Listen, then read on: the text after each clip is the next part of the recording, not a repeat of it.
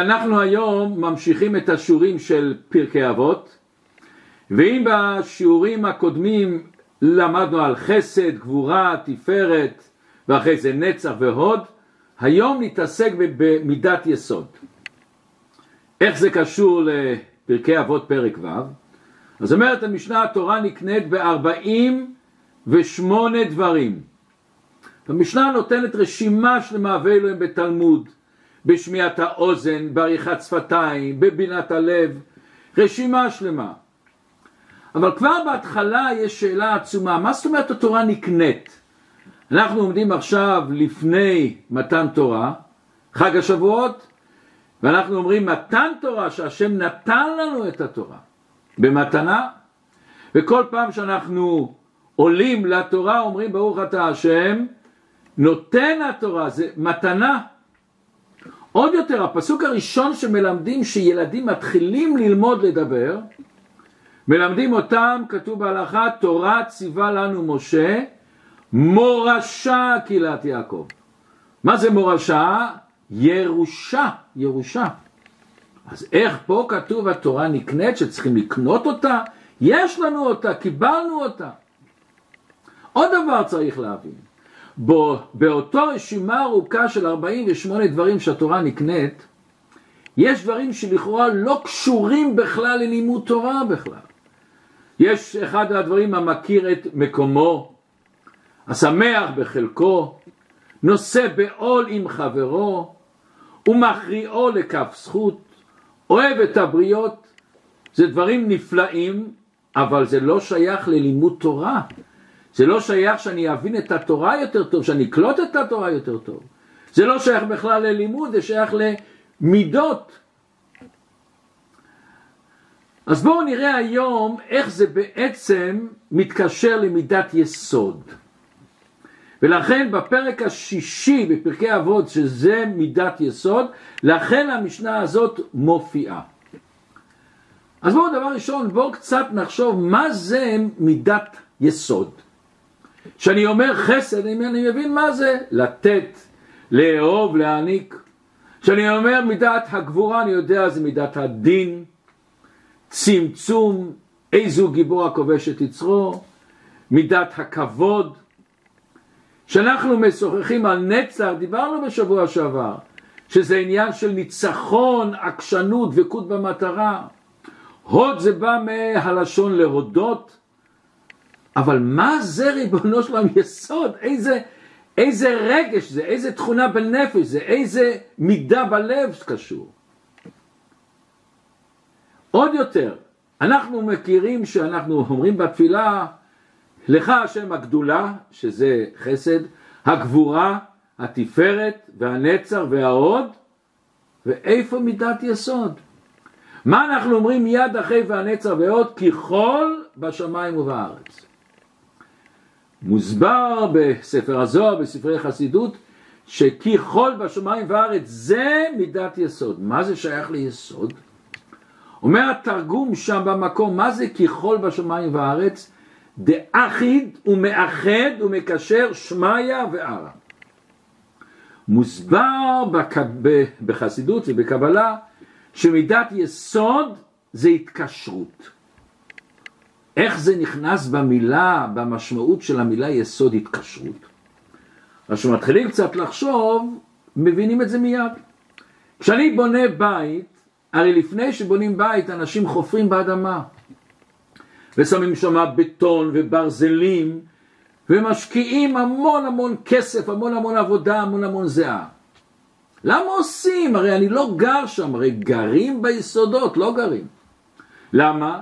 שאם נבנה בית והבית לא יהיה מחובר טוב טוב לאדמה, אם יהיה איזה רעידת אדמה או יהיה איזה בעיה, הבית יכול ליפול חס שלום, להינזק חס ושלום. היסוד מקשר את האדמה לבית, וככה הבית עומד חזק. זאת אומרת שהמושג יסוד זה התקשרות, זה קשר. אנחנו אומרים צדיק יסוד עולם. מה זה צדיק יסוד עולם.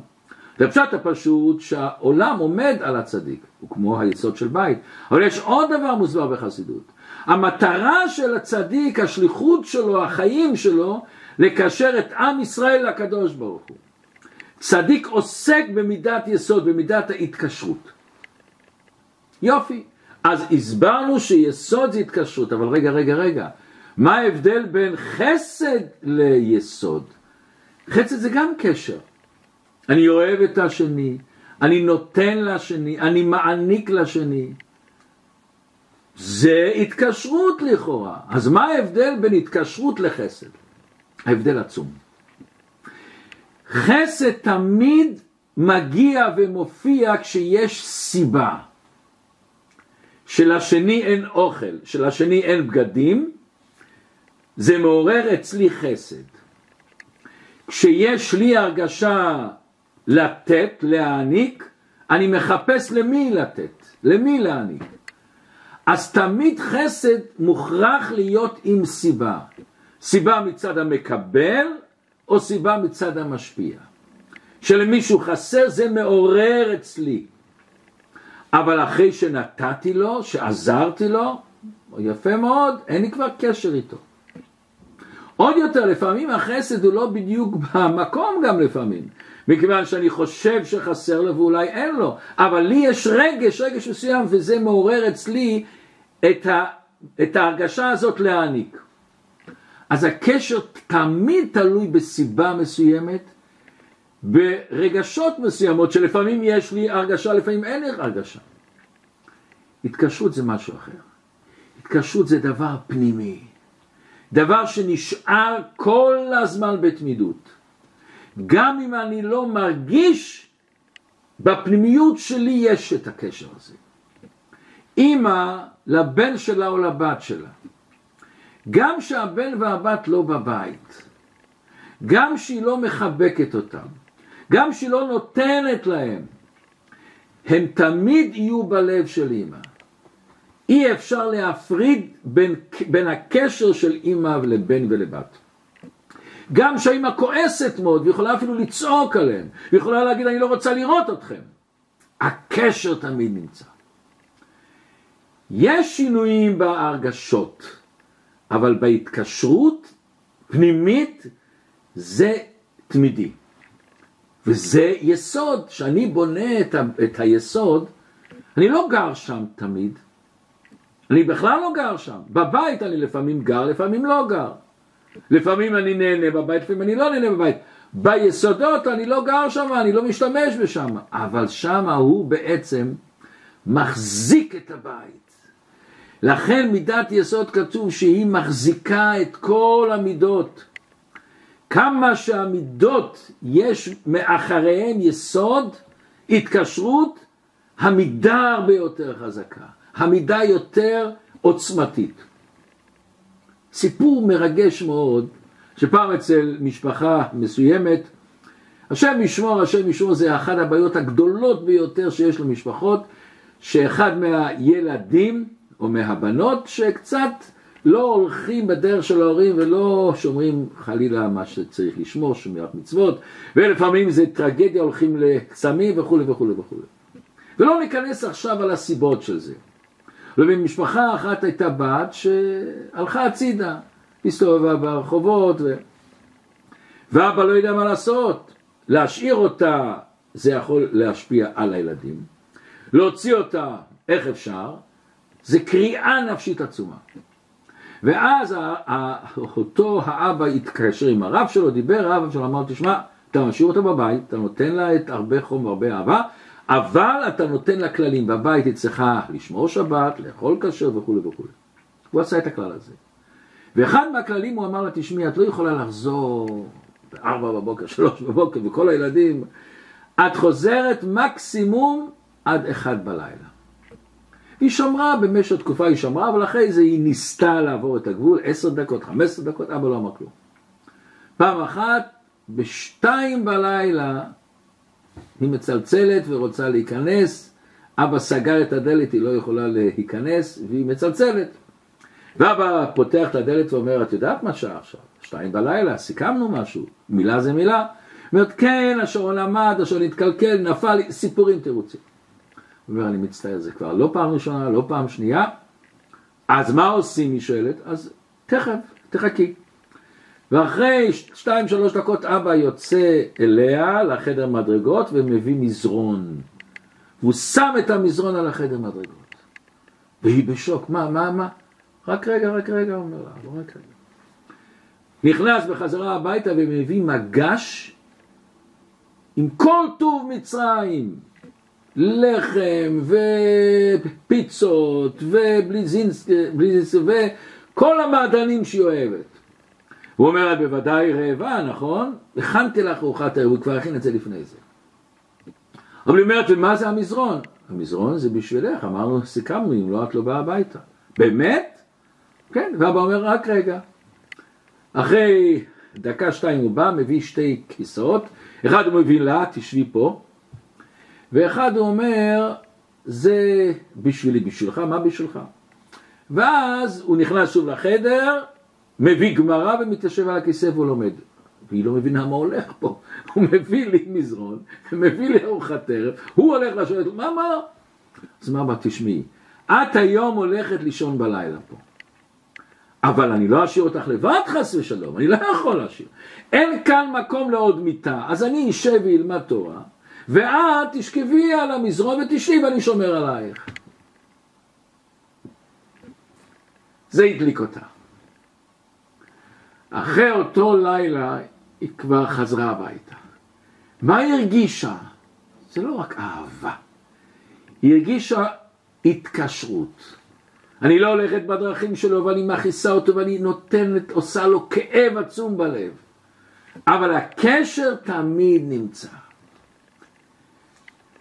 וזה יסוד, היסוד תמיד מחזיק אותנו בבית, מחזיק את כל הבית הוא מחזיק, ואני לא יודע ואני לא מכיר אותה, אבל זה נמצא עמוק עמוק. סיפור נפלא, עמוק מאוד. כשבעל נתניה לקח את הילד שלו, אדמו"ר האמצעי, שאחרי זה היה אחד האדמו"רים הגדולים של חב"ד, שהוא היה ילד, הביא אותו למלמד. מה עושים אנחנו שאנחנו מכניסים ילד לבית ספר? באים לבית ספר, רושמים אותו, מה שכר לימוד ושלום. הוא לא, הוא הלך למלמד והוא אמר לו, תשמע, לי יש חיוב בתור אבא ללמד את הבן שלי. לך יש חיוב להביא פרנסה הביתה.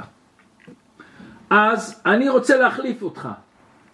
אתה תיקח את העול, את האחריות שלי ללמד את הבן שלי תורה, הנהגה, חינוך. אני לוקח את ההתחייבות להחזיק את המשפחה שלך, את הפרנסה שלך. למה הוא אמר את זה? למה המלמד הזה אמר את זה? אז אני אסביר לכם למה. למה האדמו"ר הזה כן אמר את זה? אז בפשטות הוא רצה פשוט להרגיש, לתת את ההרגשה למלמד את ההתחייבות. זה לא סתם, אני גם מתחייב, זה לא אתה תלמד, את... אני לוקח התחייבות ואתה תיקח התחייבות. אז אתה לא עושה את זה סתם, אתה עושה את זה עם קשר פנימי לילד. אבל יש לזה שורש נפלא. בתורה כתוב, ושיננתם לבניך אלו התלמידים. מה זאת אומרת, איפה כתוב בתורה שיש מצווה ללמד אנשים אחרים? ושיננתם לבניך, אבל כתוב לבניך. אומר המדרש, רש"י אומר, אלו התלמידים. מיד באה השאלה, אז למה צריך לעשות כזה פלפול, ושיננתם לבניך לתלמידים? תכתבו ושיננתם לתלמידיך. מוסבר בחסידות מה העומק פה. הקדוש ברוך הוא אומר למלמד, למחנך, למורה, למחנכת. את צריכה לחנך לא רק לחנך סתם, אלא כמו שאת מחנכת את הבן שלך, את הבת שלך. ושיננתם לבניך, אתה תראה בתלמיד את הבן. ואומר אל תראה, ואנחנו כולנו יודעים שאבא מלמד את הבן שלו, הוא מלמד את זה עם כל החום, עם כל האהבה, עם כל ההתלהבות, עם כל החיות. ואז הוא מוצא מילים, הוא מוצא הגדרות, זה מגלה כוחות פנימיים בנפש שלו. ולא רק זה, הילד קולט את זה. אותו אדם שיגיד אותם מילים שהאבא אומר, אבל בלי הרגל של ההתקשרות, של החום, של האהבה, הילד לא יבין את זה. הוא יבין את זה, מתי הוא יבין את זה? דווקא כשהוא מלמד אותו עם חום ואהבה. בזמנו, לפני הרבה שנים, הבאנו לפה איזה איש שיודע מאוד איך לחנך, איך להדריך, איך להגיד שיעורים. צוריאל, ואספנו את כל המלמדים של העיר, את כל המלמדים בעיר, והוא אמר להם הרצאות ושיעורים, ואז הם ביקשו לראות דוגמה. אז הביאו קבוצה של ילדים, ושהוא אמר להם שיעור, וכל המלמדים עמדו מאחורנית, הקשיבו, ואחרי זה עשו שיחה שלמה, מה הם ראו, שאלתם, מה אתם רואים שהתחדש לכם בצורה איך שלימדתי. אחד מהילדים היה הבן שלי. ואז אני שואל אותו, סרולי, תגיד לי, מה ההבדל בין הרבה שלך ואותו אדם שלימד אתכם? הוא, הוא לימד אותם אותו חומש שלומדים בבית ספר. אז אומר לי הבן שלי, מצאתי, התפעלתי מההגדרה הנפלאה שלו. הוא אומר, הרבה שלי, המורה שלי, לומד לעצמו בקול רם. הוא לומד איתנו. זה ההבדל הגדול. הוא לומד איתנו. אז אל תראה ואמר למלמד, אתה לא רק סתם תיקח את האחריות כמו שאני לוקח, אתה לוקח את האחריות כמו שאתה אבא שלו. ואני לוקח את האחריות, את ההתקשרות, את היסוד, כמו שאני הבעל, כמו שאני אחראי על הפרנסה. וזה העומק. יש uh, סיפור נחמד שהיה פעם, שמעתי אותו, שהיה פעם איזה אדם שבזמנו בארץ מי שהביא פולי קפה היה צריך לשלם מס. אז היה פעם איזה בן אדם שאהב מאוד את הפולי קפה והוא בא לארץ, הביא שלושה שקים של, של פולי קפה, אבל הוא עבר במעבר הירוק שלא משלמים מס, אין מכס. ואז הם שואלים אותו מה זה, אז הוא אומר זה מאכל לציפורים, יש לי חצר גדולה, אני אוכל לציפורים. הוא אומר תפתח את זה. פותח, והם רואים פולי קפה, שואלים אותו מה זה, מה זה. אומר תשמעו, אני הבאתי את זה לציפורים. ירצו, יאכלו, לא ירצו, לא יאכלו, זה בעיה שלהם. כשאנחנו מחנכים, הורים את הילדים, או מורה או מורה, את התלמידים, התלמידות שלה, אני אחראי שהוא יקשיב. אני אחראי למה שהחינוך מתחיל במידת יסוד. זה הדבר הראשון, התקשרות לילד. זה לא רק אני מעביר חומר, ירצה יקשיב, לא ירצה לא יקשיב, מה אני יכול לעשות? מה אני יכול לעשות שלא מקשיב? מה אני יכול לעשות? זה בעיה שלו, זה לא בעיה שלו, זה בעיה שלנו. חוץ כמובן, אני לא מדבר על מקרים מיוחדים שהילד לא מסוגל להקשיב וכולי וכולי וכולי. ובסוגריים, אם כבר מדברים, כמה חשוב שאנחנו בתור הורים נתקשר למורים, נתקשר למורות, לשאול על הבן שלנו. ונורא כואב הלב שלפעמים אני משוחח עם uh, מורים, מחנכים, אומרים, אני פוגש את האבא, האמא בכביש או בשמחות, הם לא שואלים אותי מה שלום הבן, הם לא מתקשרים בכלל.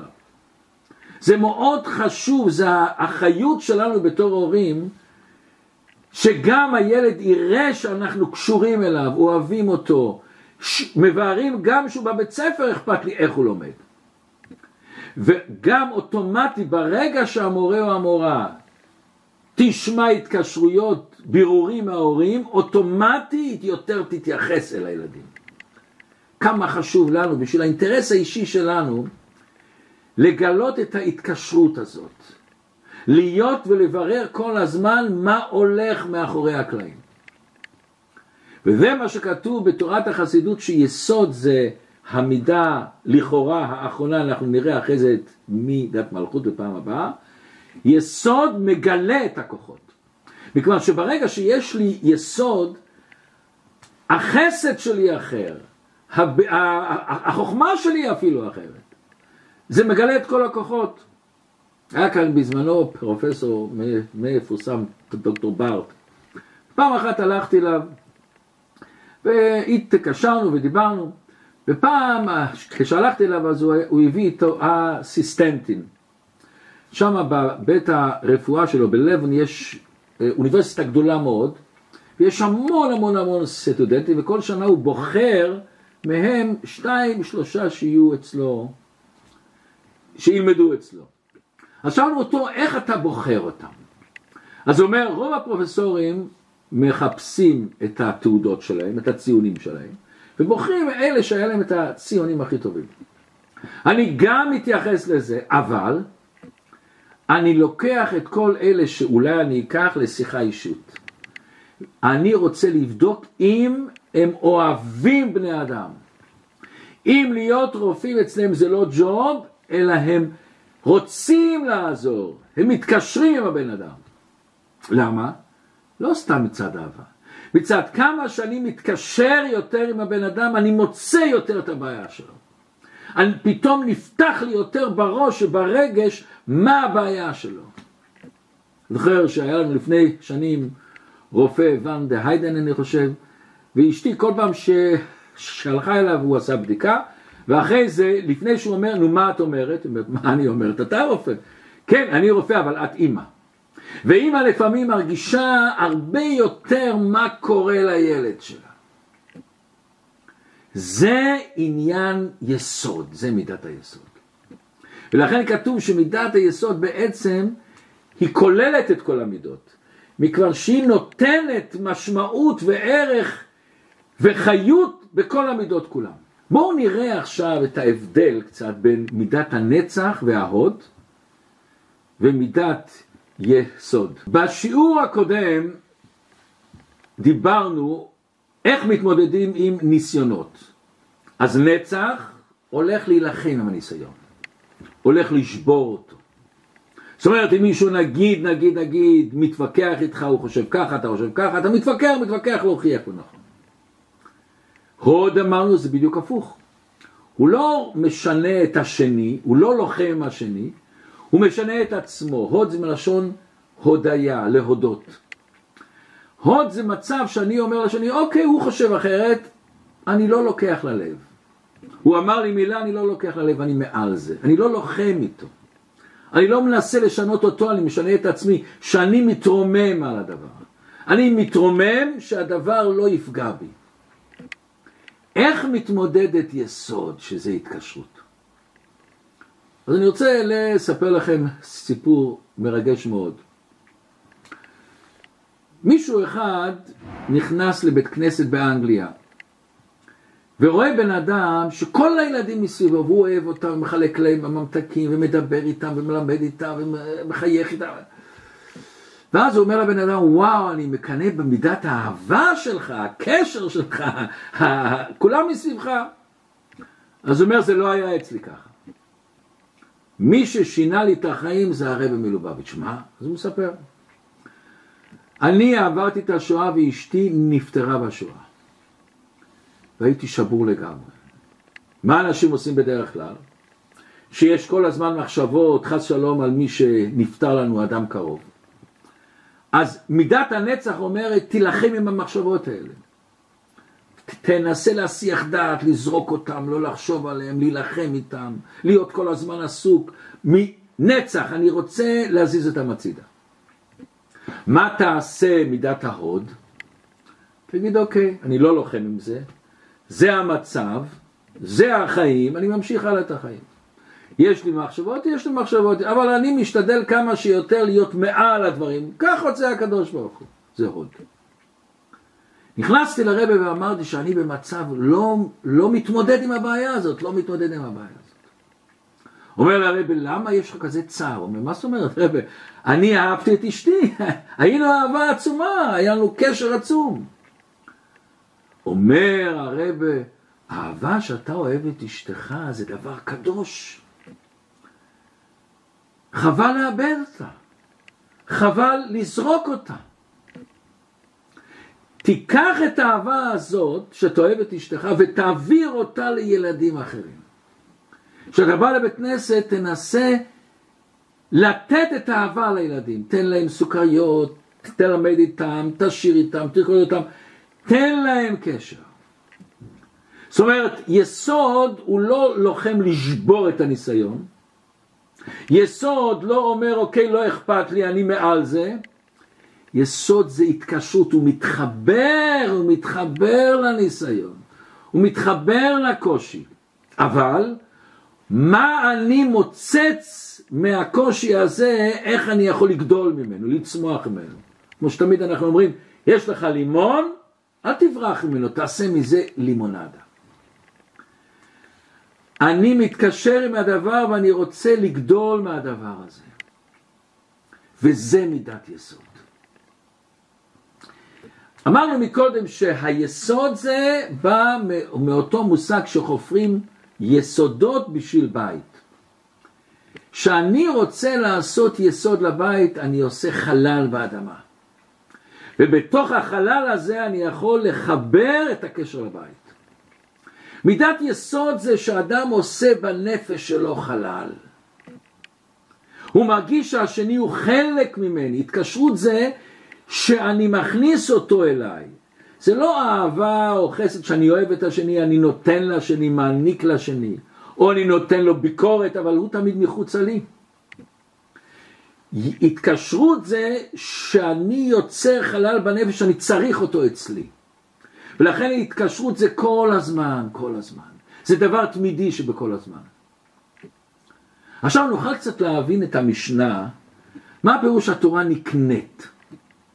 בואו נראה בהתחלה את ההגדרה של קנייה. כשאני קונה דבר אני מוציא כסף. אני מוציא משהו ממני. אני עושה באיזשהו מקום דבר שחסר לי, יש לי חלל בנפש שלי, הפסדתי משהו. למה אני עושה את זה? מכיוון שאני רוצה דבר אחר. יש לי איזו הרגשה של קשר לדבר השני שאני רוצה אותו, לא חשוב מה זה יהיה. אז אני מוציא את הדבר אצלי, את הכסף, בכדי להכניס את הדבר השני. וכאשר אני משלם על הדבר, אני מתקשר לדבר. כשאדם חס ושלום איבד דבר שהוא השקיע בו, יש לו יותר צער מאשר דבר שקיבלת במתנה. אנשים עושים הרבה יותר מאמץ לשמור על דבר שהוא שילם את זה. יש לי סיפור מעניין, היה כאן בן אדם שעישן ורצה להפסיק לעשן, הלך לצור, לשיטה הזאת, שיטה הזאת, ואז אמרו לו, יש בן אדם אחד, משהו, משהו, משהו. הלך אליו, אומר לו, אני רוצה להפסיק, אומר, כן, אני יכול לעזור לך, בלי התחייבות. נו, וכמה זה עולה? זה עולה 5,000 דולר. מה? לוקחים ממני אלף דולר, 5,000 דולר? לא, זה לא בשבילי. הלך, הלך, הלך, הלך, שוב בא אליו בחזרה. הלך אליו בחזרה, לא היה לו ברירה, אמר, אוקיי, אני משלם את הכסף. שילם את הקצב ונגמל, נגמל. אחרי שהוא נגמל, השני החזיר לו שלושת אלפים. אומר לו, תשמע, אני לא לוקח חמש, אני לוקח אלפיים, אבל אני רציתי שתהיה מוכרח להצליח. וכמה שאתה שילמת והוצאת מעצמך ועשית חלל, הרגשת שאתה צריך למלא את החלל הזה. אנחנו קיבלנו את התורה במתנה. מתן תורה. קיבלנו את התורה בירושה, ויש שיחה שלמה של הרבה שהוא הסביר מה ההבדל בין מתנה, ירושה וקנייה של תורה. שזה הכל שלבים. אבל איך שלא ניכנס לזה עכשיו, אבל איך שלא יהיה, אם אני רוצה שהתורה תהיה חקוקה לי, במתנה ובירושה, יש לי פחות התקשרות, למה לא הוצאתי משהו ממני. לא עשיתי חלל שאני יכול להכניס אותה. אם אני רוצה שהתורה תיכנס בי, תקלוט בי, כמו שבא איזה בחור לקוצקי רבה, בחור שהיה בעל גאווה, אומר לקוצקי רבה, אני גמרתי את כל הש"ס, אני יודע את כל הש"ס. אומר לרבה, אתה למדת את כל הש"ס, אבל מה הש"ס לימד אותך? באה התורה ואומרת, אם אתה רוצה שהתורה תהיה חקוקה בך, שאתה תהיה חלק ממנה, אתה צריך יסוד, התקשרות. ואתה צריך לקנות את התורה. לקנות אתה משלם משהו.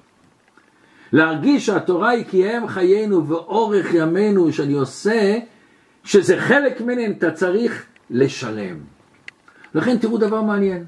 אמרנו שהתורה נקנית ב-48 דברים, כמה פעמים כתוב בתורה המושג הזה של באר? 48 פעמים. כמה פעמים שכתוב בתורה מים חיים? 48 פעמים. באר זה חלל, מים חמים תמיד באים ממעיין, מהמקום הזה שמכניס בתוכו את המים. בכדי לקנות את התורה, להתקשר איתה, אתה צריך להיות חלל. להרגיש שזה חלק ממני, לא שאני עושה חסד, גבורה, תפארת למישהו אחר, זה התקשרות שבי. אני כבר לא מסתכל על עצמי פה, אני מסתכל על הדבר, אני רוצה לקבל את הדבר שיהיה בתוכי. יש כזה חידה, שלפעמים אנחנו בשולחנות של השבת אומרים את זה לאנשים, מעניין לשמוע מה אנשים אומרים, ואולי גם אתם יכולים להשתמש בזה. מספרים שבן אדם נסע במכונית, במכונית קטנה שהיה בה רק שתי מקומות, והיה גשם, שלג, רוחות סערה. הוא נוסע בזהירות, בזהירות, שהוא לא חלילה לא ייפול או לא יפנה הצידה, ואז הוא עובר על יד תחנת אוטובוסים ורואה שם שלושה אנשים. הוא מסתכל, אה, אחד, הוא רואה בן אדם, החבר הכי טוב שלי, שלא ראיתי אותו שלושים שנה. מה, איזה, וואו, להיפגש איתו, ליהנות איתו, לדבר איתו. אבל על ידו הוא רואה עוד בן אדם, רגע, רגע, הוא הציל אותי. הייתי פעם במלחמה, זר, התחילו לירות, והוא הוריד לי את הראש, הציל את החיים שלי. ועל ידו הוא רואה בן אדם שהוא רואה חולה מסוכן. וואו, והוא חושב, אני יכול להכניס במכונית אחד, את מי אני אכניס? את החולה מסוכן, או את הבן אדם שהציל את החיים שלי, או את החבר הכי טוב שלי, שלא ראיתי אותו שלושים שנה. מה אנחנו היינו עושים? אז מעניין, רוב האנשים שאני שואל אותם את השאלה, אומרים כמובן לקחת את החולה. אני צריך לוותר על האגו שלי, לוותר להיפגש עם החבר הכי טוב, להכיר הכרה טובה לזה שהציל אותי, ודבר ראשון לבקש ממנו סליחה ולקחת אותו. אבל התשובה האמיתית היא, אתה צא החוצה. אתה תישאר עם החבר שלא ראית אותו 30 שנה בחוץ, תדבר איתו, תן איתו ביחד. תכניס את החולה עם הבן אדם שהציל אותך ותגיד לה, זה שהציל אותך תיסע מהר לבית הרפואה להציל את הבן אדם הזה, את החולה הזה. תפסיק לחשוב על עצמך. אל תחשוב מי אתה, תחשוב על עצמך. ויש גמרא, מסכת עירובין, מעניינת מאוד. רבי פרידה, רבי פרידה היה אחד מגדולי גדולי גדולי החכמים. והיה לו תלמיד שהיה קשה הבנה נורא גדול. והוא כל גמרא לימד איתו ארבע מאות פעמים. חזר. עכשיו אנחנו צריכים להבין שאם הוא לימד אותו ארבע מאות פעמים הוא לא חזר על אותו מילים. יש לפעמים מורה חוזר על אותם מילים. אם הוא לא הבין בפעם הראשונה הוא לא יבין בפעם השנייה. כל פעם הוא צריך לחפש מילים אחרות, משל אחר, בדיחה אחרת, סיפור אחר, להיכנס ללב שלו. איך שאומרים פעם, שמעתי כזאת אמרה יפה, מורה רציני שאין לו חוש הומור, הוא לא מורה רציני. אתה צריך לחפש כל מיני דרכים איך להיכנס לו בלב. ארבע מאות פעמים, ואז הוא הבין. זה היה הסדר. איך להבין את זה? אבל פעם אחת הוא מלמד, למד, למד, ובאמצע בא מישהו והזמין אותו לאיזה מצווה. אז הוא אמר לו, אני אבוא והמשיך ללמד. אחרי שהוא גמר את הארבע מאות פעמים, הוא שואל את התלמיד, הבנת? לא הבנתי, מה קרה? אז הוא אומר, ברגע שהבן אדם הזה בא וביקש ממך ללכת למצווה, באיזשהו מקום כנראה אותו תלמיד הסיח את הדעת, ועוד משהו, באיזשהו מקום הוא חשב, אה, המורה שלי עוזב עוד מעט, אז הוא הרגיש שחסר בהתקשרות, ביסוד של המורה. יש לו תוכנית אחרת בראש, אחר כך, אבל יש לו תוכנית אחרת. אז הוא אומר, אני מצטער, אני לא הבנתי. מה עשה אותו פרידה? חזר ארבע מאות פעמים. אחרי זה כתוב שהיה בשמיים, מה הוא רוצה לתת, או אריכות ימים, או ששפע, ונתנו לו על זה הרבה ברכות. אז פעם דיברנו ושאלנו, איזה גדלות עצומה של אותו רבה, אותו מורה. מישהו אמר, כן, אבל זה גם גדלות של התלמיד. שהתלמיד מסוגל להקשיב 400 פעמים, זה גם גדלות. אבל מישהו אמר, נכון. אבל מי נתן לו את הגדלות הזאת? מי נתן לו את האהבה הזאת ללמוד תורה שהוא יכל להקשיב 400 פעמים?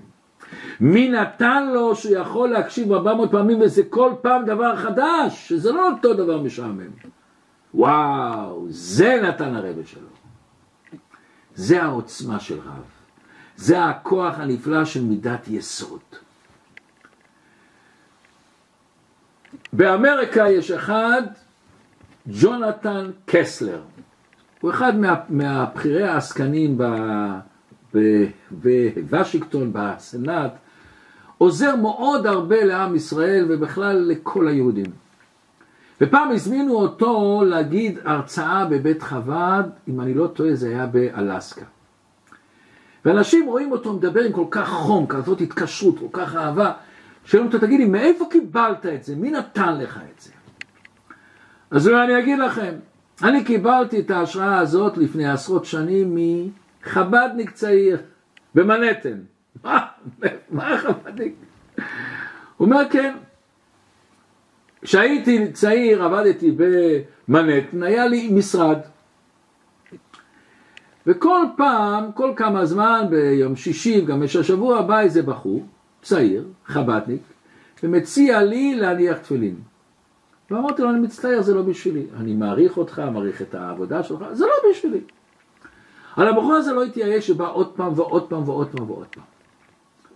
פעם אחת הוא בא אליי עוד פעם, הוא אומר לי, בואו תניח תפילין. ואני אומר לו, תראה, אני לא רוצה. ואז הוא אומר לו, תראה, אתה רואה שאתה לא מצליח אצלי. אז לך לאנשים אחרים. אצלי אתה לא מצליח, אתה לא מצליח. אומר לו החב"דניק, מי אמר לך שאני לא מצליח? מה זאת אומרת? אתה בא לפה בשביל שאני אניח תפילין, ואני לא מניח תפילין, אז אתה לא הצלחת. הוא אומר, מה פתאום? זה הסיבה שאני בא אליך? זה השליחות שלך? זה המטרה שלי? בכלל זה לא זה. אז אני אומר, אז מה? תגיד לי, אז מה המטרה שלך? מה אתה בא אליי? אומר, אני אגיד לך. התפקיד שלי זה להזכיר לך שאתה יהודי. התפקיד שלי לתת לך תמיד את ההרגשה שאנחנו אוהבים אותך, שאנחנו אחים, שאנחנו עם אחד. התפקיד שלי שתמיד תדע שאנחנו נקבל אותך בכל מצב שלא תהיה, גם שלא תניח תפילין וגם שתצעק עליי, אני נשאר אוהב אותך, אני נשאר משפחה שלך. והיה לו דמעות בעיניים. קמתי, חיבקתי אותו. היי, המשפט הזה כל כך ריגש אותי. אמרתי לו, בוא תביא את התפילין. אם אני קשור לעם הזה, אני רוצה שתביא לי את התפילין. ומאז אני מניח את התפילין, וזה נתן לי השראה לכל מה שאני עושה עד היום. העוצמה הזאת להרגיש קשר, להרגיש התקשרות, זה הוא נתן לי. וזה הכוח של מידת היסוד, להתקשר. וזה מה שאנחנו צריכים לדעת, להשקיע בזה. להשקיע בחסד, בגבורה, אבל ביסוד הוא פותח את כל המידות. יסוד נותן עוצמה לכל המידות. יסוד עוד דבר, מכוון את המידות שיהיו נכונות. לפעמים אני לא יודע חסד, כמה חסד, כמה גבורה, כמה, אני לא יודע. כשאני מקושר עם השני, אז אני יודע בדיוק מה הוא צריך. אז אני יודע בדיוק כמה הוא צריך ומתי הוא צריך ואיך אני שם לו את זה, איך אני מציג לו את זה. מידת יסוד מכוונת את כל המידות, מסדרת אותם בסדר.